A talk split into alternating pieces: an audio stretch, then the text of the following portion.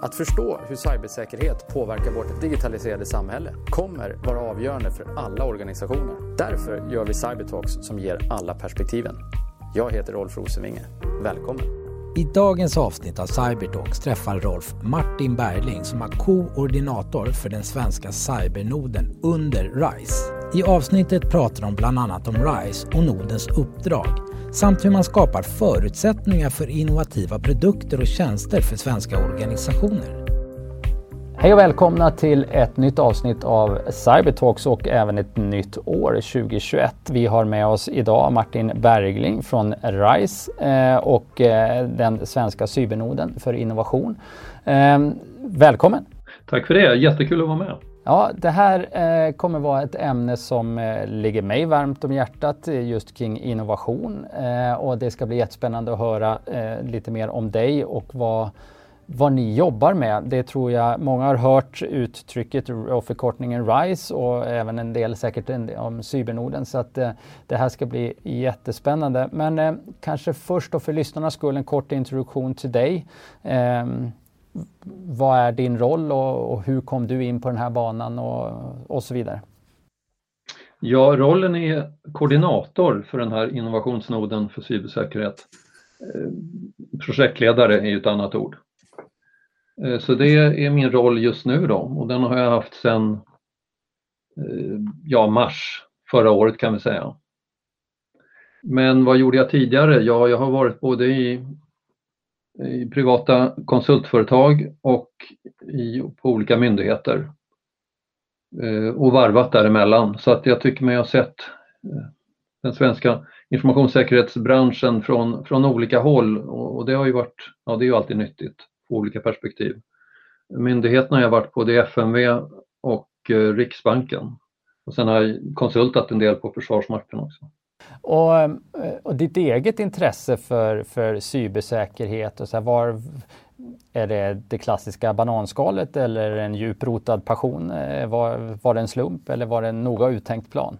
Ja, det var, var roligt uttryckt.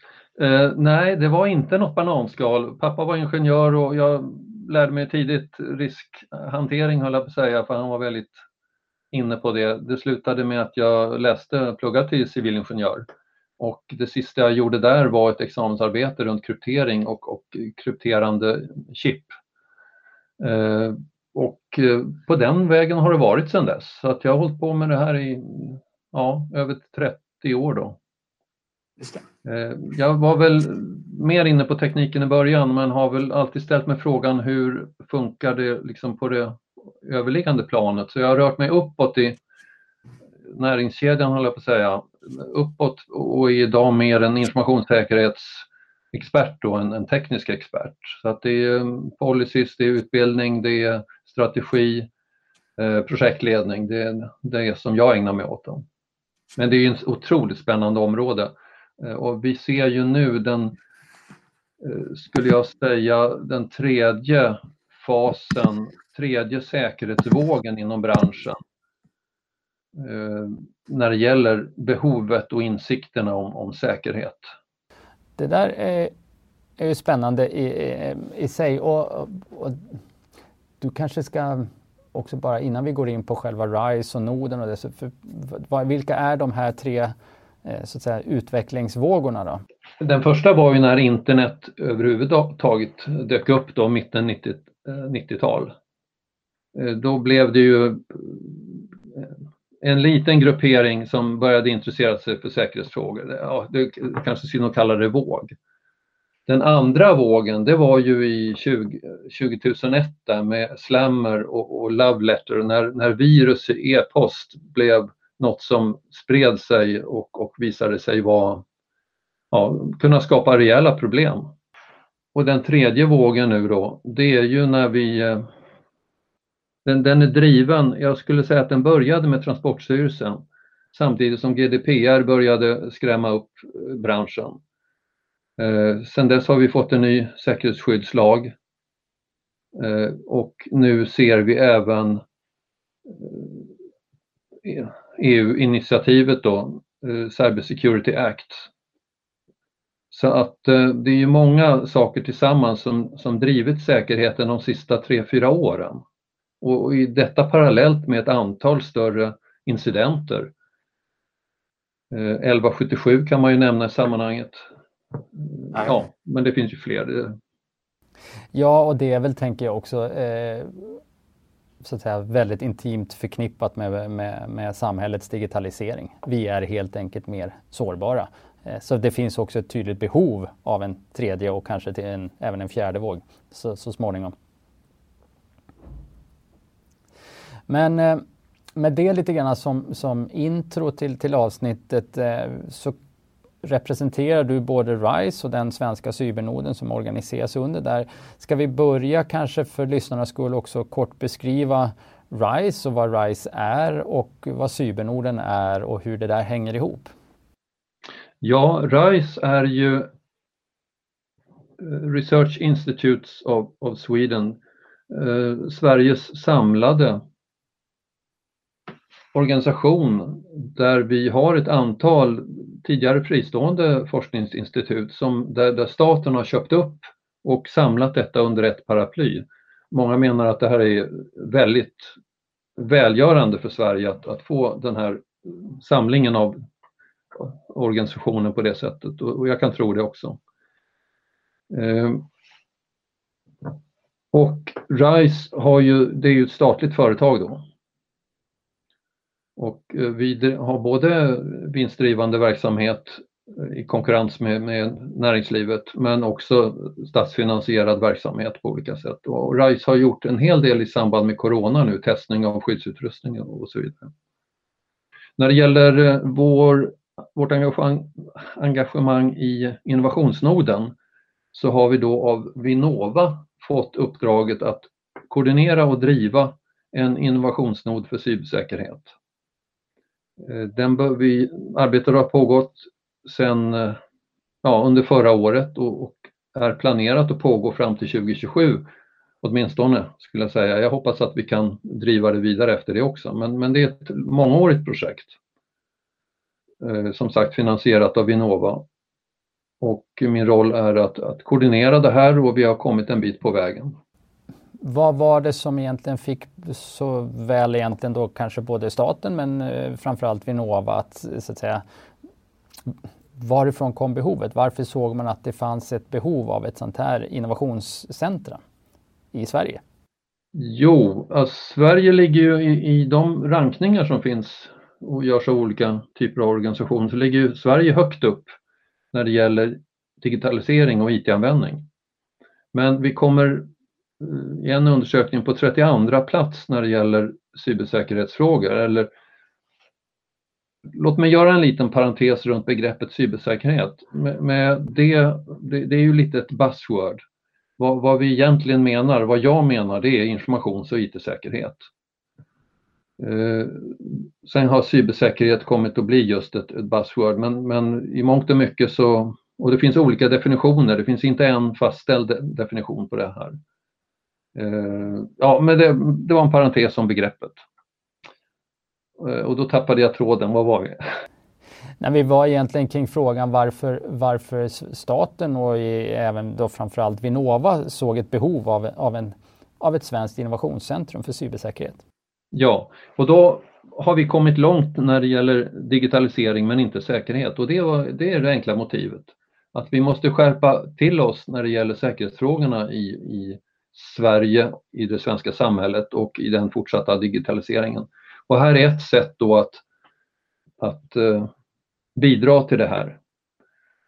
Eh, och, och Norden, Nordens mål är ju att skapa ökad samverkan mellan de olika målgrupperna. Vi har ju i första hand då cybersäkerhetsindustrin och det är ju alla tänkbara olika typer av företag som jobbar med produkter och med att skapa produkter och tjänster som relaterar till cybersäkerhet på ett eller annat sätt. Både stor, stora och små. Eh, så har vi myndigheter av olika typer, eh, eller publika organisationer kanske rättare. Det är myndigheter, det är regioner, det är kommuner. De är ju avnämare av, av säkerhetslösningar och, och kan ju tydligt beskriva sina behov och vi behöver ha med dem för att förtydliga behovsbilden. Industrin i övrigt, alla andra företag och, eh, som också är, har behov av bättre lösningar. Ska ju stöttas på sikt. Och den sista måste jag kika här i listan. Ja, eh, universitet och högskolor förstås måste ju vara med där, där vi har många forskare som kan ha goda idéer. Eh, en del forskare drivs ju inte av att, att skapa verksamhet som man kan tjäna pengar på. De drivs av att eh, komma på bra idéer som någon annan kan vidareutveckla. Och här kan ju högskolor och universitet vara med och, och, bidra med just bra idéer som, som någon kanske kan se att det här var något vi kan vidareutveckla i, i samverkan mellan flera organisationer. Precis. Men eh, så, att, så att man förstår lite mer då, så själva nodens arbetsuppgift är mer att, så att säga, facilitera interaktionen mellan de här olika parterna? Eller går man in och identifierar och sponsrar specifika innovationsprojekt? Eller hur, hur jobbar ni? Ja, det är i första, hand, i första steget är det att facilitera och se till att rätt människor träffas för att lära känna varandra, skapa tillit och, och vi har väl alla varit med i olika typer av arbetsgrupper där man efter att ha lärt känna varandra och just fått lite mer tillit och, och förstått vad man kan bidra med och vad, hur andra kan hjälpa till så kan man föra en mycket bättre dialog och, och hitta framåt tillsammans eh, i en tillitsfull miljö. Då. Okej, okay, så är det så ni då gör egentligen kan man säga att man från behovssidan så måste man ha, alltså hitta den här samverkansformen då kanske där man i en trygg miljö får berätta om vilka behov och utmaningar man har och sen matcha det mot, mot olika så att säga, mot industrin kan man säga. Eller, eller, eller, fungerar det tvärtom att det är industrin som är så att säga, de som kommer och presenterar idéer, koncept och, och bollar dem med, med potentiella framtida kunder och beställare eller hur, hur, hur går arbetet till? Ja, det kan gå till på olika sätt och de två sätt du beskrev nu, de, de kan komma att, de tror jag kan bli aktuella båda två. Vi har en arbetsgrupp som heter Behovsbild just nu där vi försöker eh, titta mer på behovsbilden, formulera den och, och också förstå bättre hur, Norden, hur vi i Nordens arbete ska fånga upp behovsbilden. Eh, och vi jagar också ytterligare behovsägare bland myndigheterna. Vi har två stycken med oss i eh, vår styrgrupp just nu. Det är MSB och DIGG. Eh, men jag har kontakter med fler myndigheter som de är intresserade men, men det, ja, en och annan myndighet har fullt upp med corona kan vi säga. Så det är förståeligt att man inte kan kasta sig ut i innovativa idéer just nu. Nej, men exakt. Men om du, om du med det då också kanske som, som så att säga avstamp eh, och utifrån den, den plats där du, där du då faktiskt sitter på noden, var, var ser du störst behov av svensk innovation inom cybersäkerhet? Ja, det är inom många områden. Två utpekade grupper, det är ju dels den publika sektorn. Mm. Eh, som inte har haft kraft att, de har många gånger drivit sin digitalisering långt men de har inte haft kraft och, att ta upp säkerhetsfrågorna tillräckligt. Så där krävs kompletteringar så att säga med, runt, med nya säkerhetsidéer. En annan grupp som, som ju också ligger efter det är små och medelstora företag. De större företagen de har ju ofta resurser att, att, och kompetens att driva sin säkerhet på ett rimligt bra sätt. Men de, de som är mindre, de har fullt upp med annat och det tycker jag är förståeligt. Men där kan det behövas lösningar och idéer som, som kan hjälpa våra min, mindre och medelstora företag att skapa bättre säkerhet. De, de, de är drabbade av ransomware-attacker till exempel i dagsläget som kan vara förödande för en liten organisation. Ja, även för vilken organisation som helst som som inte har eh, förberett sig och inte har backuper och så vidare. Precis. Ehm, och med, med, det sagt, är, är ert arbete då fokuserat på att utveckla? Liksom? För jag tänker om, om man tar små och medelstora företag eller för den delen kanske alltså kommuner och, och den storleken på offentlig verksamhet. Ehm, är det, är det liksom eh, innovativa tjänstepaketeringar som möjliggör en kostnadsbild som gör att de här kan ta till sig de här förmågorna? Eller är det snarare produktutveckling fast specifikt inriktat på, på mindre, eh, mindre organisationer som, som ni vill jobba med och jobbar med? Ja, återigen kanske både och. Mm. Eh, det är lite grann det är lite grann upp till deltagarna i, vi, vi avser att, du, du, ställde frågan inom vilka områden och, och, ett annat svar på den frågan, jag ska, jag ska formulera klart vad, jag, vad du sa, inom vilka områden, du frågade mig inom vilka områden jag ser eh, utvecklingsbehov så att säga. Mm. Och, och, förutom branscher då så kan man ju prata om teknikområden. Yes. Och då har vi några olika arbetsgrupper som är på gång. Och en av dem är ju Internet of Things, IoT. Där det krävs, eh, där vi alla vet att det behövs bättre säkerhetslösningar i alla typer av IoT-lösningar.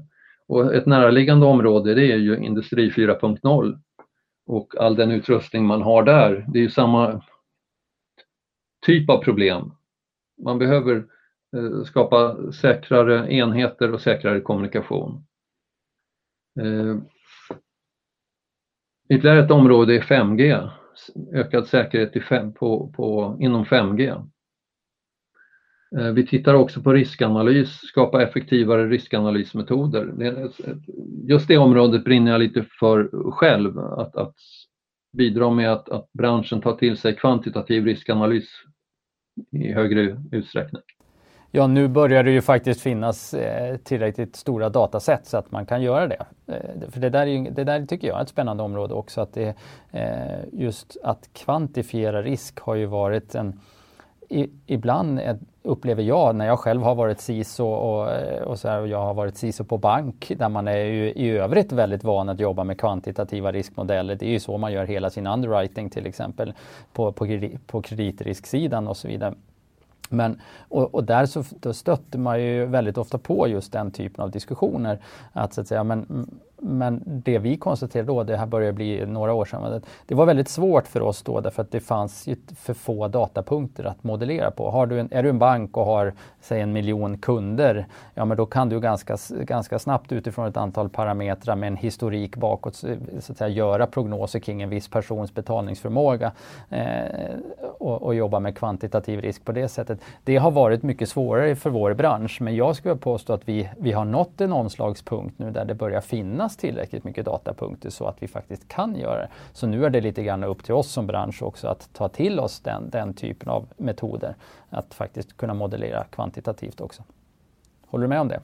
Ja, ja. Eh, med, med det tillägget att, att vi har nog kunnat använda kvantitativa metoder redan från början baserat på experters bedömningar. Istället för att ha den här datan då, alltså statistik och annat så man, skulle vi ha kunnat gjort bedömningar och Monte Carlo simulerat utifrån det. Eh, men, men absolut, det ligger mycket i det du sa och nästan alla andra branscher där man har statistik och historiska data, där kör man ju förstås kvantitativ riskanalys. Men det är hög tid att, att IT-branschen tar det till sig och, och, det finns otroligt stora vinster att, att göra det här på ett mer korrekt och, och ändamålsenligt sätt. Ja, det är ett jättespännande område. Det skulle vi prata mer om i tillfälle. Exakt. Eh, ja, det, det, det, är ju en, Cybertalks är ju en serie så att det finns ju möjlighet att, eh, att återkomma eh, kanske. Men du, jag är också lite nyfiken på eh, så att jag och kanske andra med mig då ytterligare förstår så att säga ert uppdrag och så vidare. Är, är, handlar uppdraget i första hand om att skapa och identifiera och facilitera fram effektiva lösningar för svenska organisationer att stärka sin cybersäkerhet? Eller är innovationsuppdraget också ett uppdrag att så att säga skapa förutsättningar för att vi ska kunna ha ett svenskt Klarna eller Spotify fast inom vår bransch? Eh, vilket vi ju faktiskt inte har haft. Vi är som sagt, du var inne på det tidigare, vi är ju oerhört eh, digitalt mogna i, i den här delen av världen och Sverige i synnerhet och vi har producerat unicorns i en massa branscher men, men eh, är ju egentligen väldigt få, i, eh, om ens någon. Det är ju Recorded Future som jag kommer top of mind att tänka på som, som, eh, som är svenskgrundat inom cybersäkerhet som, som har nått en sån global reach. Eh, vi har kanske någon till som Outpost 24 och så vidare som, är, som definitivt är på väg. Men, men det där stora Klarna Spotify har vi inte riktigt levererat. Nej, och jag är väl inte mannen att bedöma möjligheten att skapa ett, ett svenskt säkerhets-Spotify.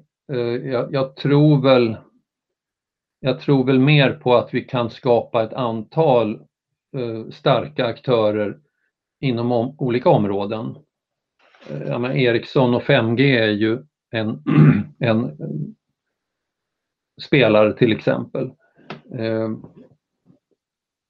Så jag tror nog att det, det, det blir det är bättre att vi siktar på att skapa flera starka spelare.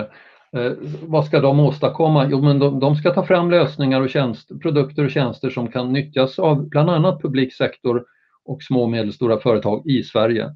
Men de ska också kunna exportera det här på sikt. Så vi ska ju öka den svenska exporten av cybersäkerhetsprodukter och tjänster. Det är ju en tanke. Eh, så, så att Sverige vinner på ett, det här ökade samarbetet i slutändan. Yes.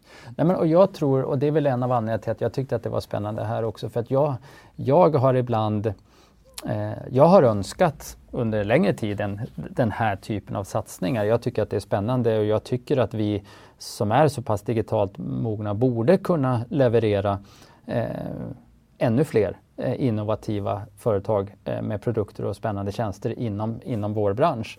Eh, och, och eh, jag tror att det i sig också gynnar vår säkerhet. Eh, och, det, eh, och, jag ska förklara vad jag menar. Att jag tänker att det finns en anledning till att till exempel amerikaner, israeler och britter eh, är väldigt duktiga på cybersäkerhet och också levererar väldigt mycket duktiga och innovativa företag. Eh, därför att jag tror att man faktiskt ser det också som en förlängning, i förlängningen som en, som en del av ett sätt att öka sin egen nationella säkerhet. Och jag är inte riktigt säker på att vi, det här är mitt påstående nu, men jag är inte riktigt säker på att vi som Sverige som nation kanske har resonerat och sett på stödet till innovation som ett sätt att också stärka vår egen nationella säkerhet. Nej, vi kanske inte har sett det så. Jag håller med dig om det. Och det tror jag, en, en, sådär en, alltså en en framtidsspaning för, för, för min del. För att någonstans när vi går mot en ökad geopolitisk spänning. Eh, vi, nu när vi spelar in det här så är det bara ett par dagar sedan eh, demokratin skakades rejält eh, på andra sidan Atlanten eh, genom stormning av Kapitolium och så vidare. Eh, så i den omvärld vi lever så tror jag också att, man, att innovation och speciellt inom den här området kommer vara helt avgörande för i förlängningen staters möjlighet att också hävda sina egna nationella intressen.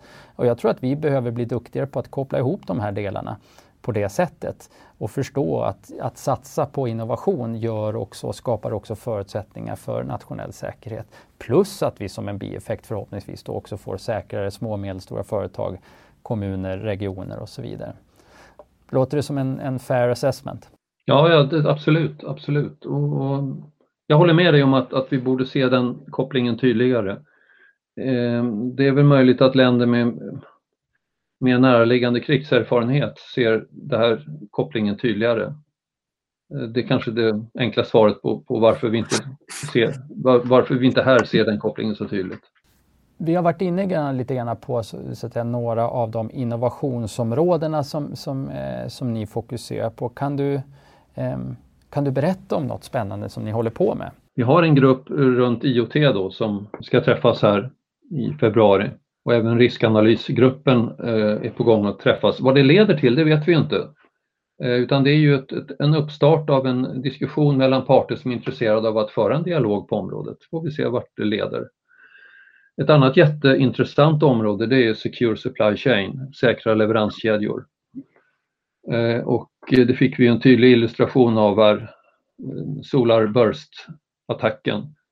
mot SolarWinds Winds eh, där man gick in på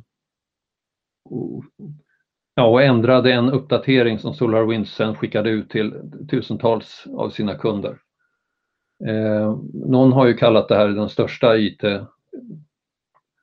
IT, eh, IT incidenten någonsin på internet och det kanske, vi har inte sett slutet av det ännu. Den, den pågår ju. Ja, det är problematiskt att, att säkra upp sina leveranskedjor. Det, det, är ett jätteproblem och så här finns också utrymme att, att jobba framöver. Vi har inte format någon grupp ännu runt det. Ja, men det, den, den, skulle jag vilja plocka upp lite grann för där tror jag du pekar på någonting som är eh, som faktiskt är är väldigt kritiskt. Och eh, som en liten sidoinformation till, till, till lyssnarna. Och så här, så vi, vi gjorde en, en survey för ungefär ett år sedan när vi frågade ett antal storbolags CISOs kring lite grann var befinner man sig, vad, vad har man byggt för förmågor, hur har man prioriterat, vad upplever man för största risker? Och så ställde vi också en fråga kring var upplever man att man har eh, stort gap mellan, mellan risk och egen förmåga. Och en av de sakerna som kom fram tydligast i den surveyn var just tredjepartsrisk eller supply chain risk.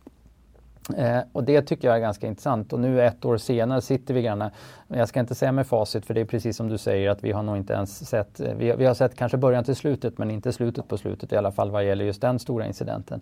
Eh, så det var ju ganska insiktsfullt av de här sisorna som svarade så någonstans så finns en självmed, självidentifierad medvetenhet kring det här som ett riskfenomen. Men jag är inte säker på att alla de, de bästa lösningarna ännu är innoverade och eh, produktifierade eller tjänstifierade och, och utrullade. Eh, men det tror jag, som en liten framtidsspaning, eh, kom, kommer vara ett stort fokus de närmsta, de närmsta åren för, för många organisationer, såväl i näringslivet som i offentlig sektor. För att attacken som du är inne på, den, den visar ju på en väldigt tydlig sårbarhet eh, helt enkelt. Ja, Nej, det... Så det kan ju faktiskt vara en möjlig nästa arbetsgrupp. Det knyter an till standardisering som är ett annat område som, som kan möjligen vara aktuellt också att, att jobba kring. Eh, ska du få säkra leveranskedjor eh, globalt sett, vilket du, du måste förr eller senare, eller målet är att få det, då måste vi ha en standardisering på området på något sätt. Då som, som, som ligger till grund för hur den här samverkan och säkerställandet av, av information och av, av leveranser, att eh, ingen har manipulerat det på något sätt. Mm.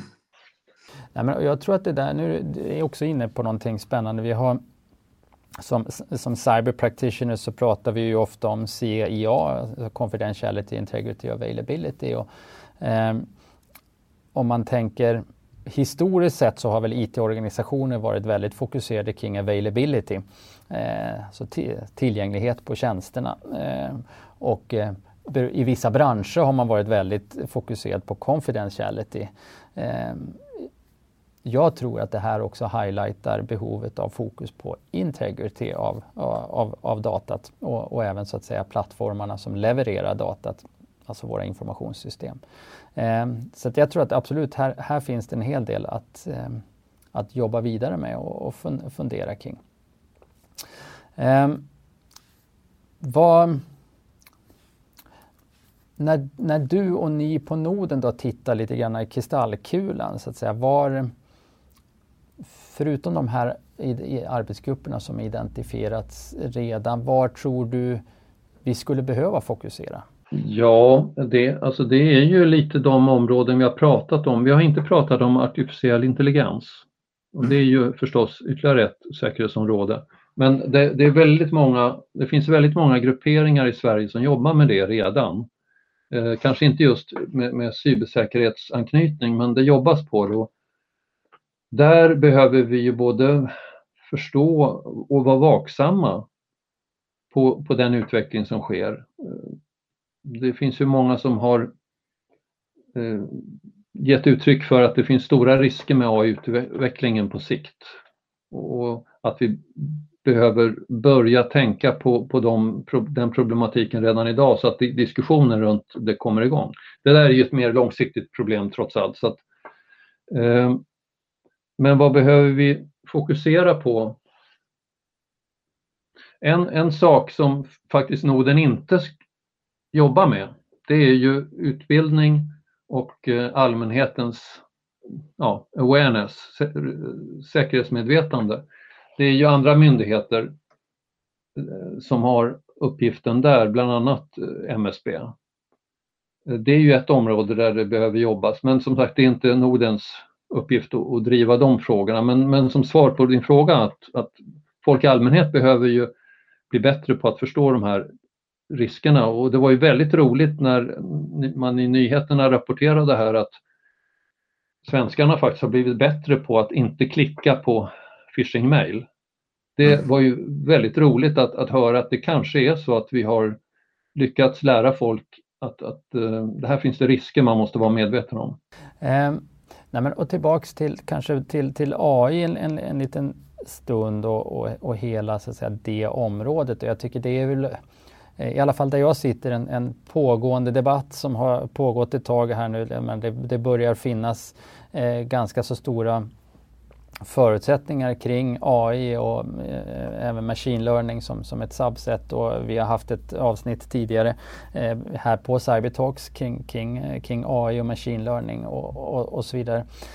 Jag tycker att det är spännande att se hur jag upplever att det finns två läger i den här frågan. Eh, det finns de som ser på AI, eh, inklusive machine learning, som, som en, en risk därför att man ser vad det kan göra mot våra informationssystem. Och det finns, finns de som redan liksom per design och default ser det som möjligheten att ta ett, liksom ett, ett giant leap eh, på säkerhetssidan.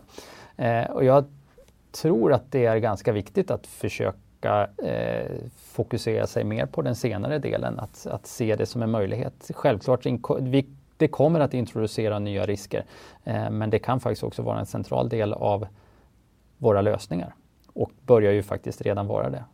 Vad tror, vad tror du? Hur, hur ska man så att säga kunna hålla de där två i, i tanken samtidigt? Ja, och du, du nämner maskin, maskininlärning här och det är ju oftast det vi pratar om i nuläget. Mm. Eh, AI är ju den mer utvecklade, jag menar, den intelligenta formen så småningom.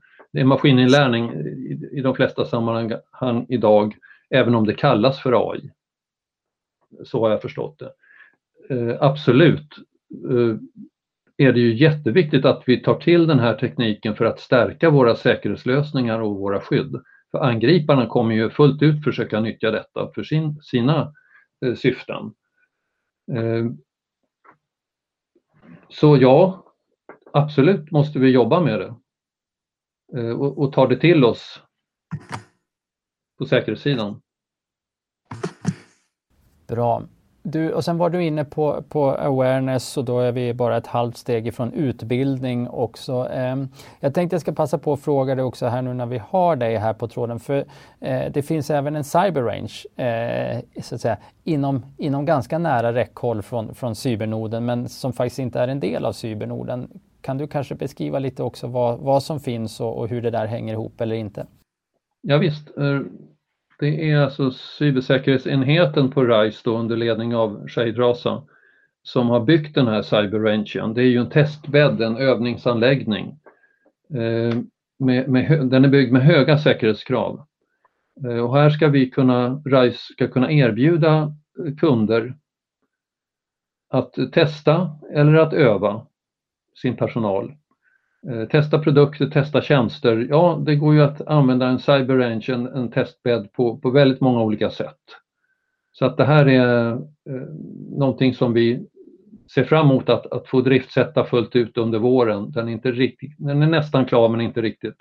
Så det kommer en invigning här eh, under våren utav den här anläggningen. Då kan man ju få veta mer om vad det handlar om.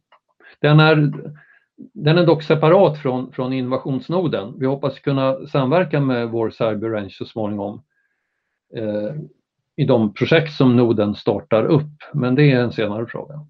När du nämner CyberRange, det finns en annan verksamhet i, i Sverige som man också bör nämna och det är ju Cybersäkerhetscentret som är lätt att blanda ihop med innovationsnoden kanske eftersom de, i alla fall om man kallar oss för cybersäkerhetsnoden, men cybersäkerhetscentret som MSB och, och ett antal andra myndigheter nu bygger upp då på MSB i ett första steg.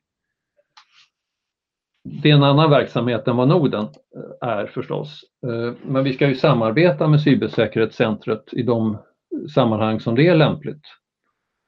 Eh, och MSB kommer dessutom att, att få en roll så som National Coordination Center inom EUs nya program där eh, EU sätter upp ett, ett europeiskt centrum i Bukarest eh, och eh, alla länder ska utse en, en National, Coordination, National Coordination Center för att samverka runt hur ska EUs pengar på området distribueras i Europa. Och där finns det en uppgift som Norden har som jag inte har nämnt och det är ju viktigt att nämna den. De här arbetsgrupperna vi startar i Norden, ibland kommer de att vara fokuserade runt en utlysning som EU har gjort på något område. Och då samlar vi ett antal svenska aktörer som tillsammans kan sätta ihop en väldigt bra och stark ansökan för att få hem de här de projektbidrag som EU utlyser så vi får hem dem till svenska projekt i Sverige. Det är en väldigt viktig uppgift Norden har också. Spännande. Eh, det finns definitivt eh, massor saker att fortsätta diskutera kring. Eh, jag tror att att innovera kommer att, förmågan att innovera kommer också att vara avgörande på många sätt för, för, för, även vår digitala förmåga och vår förmåga att skydda den och i förlängningen faktiskt skydda svenska intressen Eh, framöver. Och jag både hoppas och tror att, att Norden kan bidra och vara en väldigt viktig del av, av den framtiden. Men tiden går också fort och eh, jag brukar eh, avsluta eh, Cybertalks med att fråga gästen om man har något att bjuda på till lyssnarna här, till exempel i form av en bok eller en podd eller en film eller någonting som har informerat eller inspirerat. Alltid spännande att höra vad folk ägnar sig åt när de inte deltar i Cybertalks eller jobbar med sitt dagliga. Så att jag tänkte jag måste ju fråga dig också Martin, vad har du med dig idag till oss? Ja, en kul fråga. Innan jag svarar så ska jag bara nämna cybernode.se är ju vår webbadress till Innovationsnorden, cybernode.se och där finns det ju mer information för den som är intresserad. Man kan också anmäla sig som medlem. Yes. Ja, vad skulle jag vilja tipsa om? Ja, Brors Schneiers nyhetsbrev som kommer ut den 15 varje månad. Det är nog mitt hetaste tips. Eh, det är en väldigt kunnig person som åtminstone verkar ha ambitionen att vara objektiv i sina synpunkter på hur branschen och inte minst USA agerar. Eh, han skriver ofta många intressanta saker i sina nyhetsbrev så det är mitt tips att prenumerera på Bror nyhetsbrev. Det tycker jag är ett bra tips. Det finns mycket matnyttigt att hämta där. Eh, Martin Bergling från RISE och Cybernoden där. Stort tack för att du ville vara med här hos oss på Cybertalks. Stort tack! Och till alla lyssnare, until next time. Podden är ett samarbete mellan Cyber Insights och Orange Cyber Defense och spelas in och klipps på Media.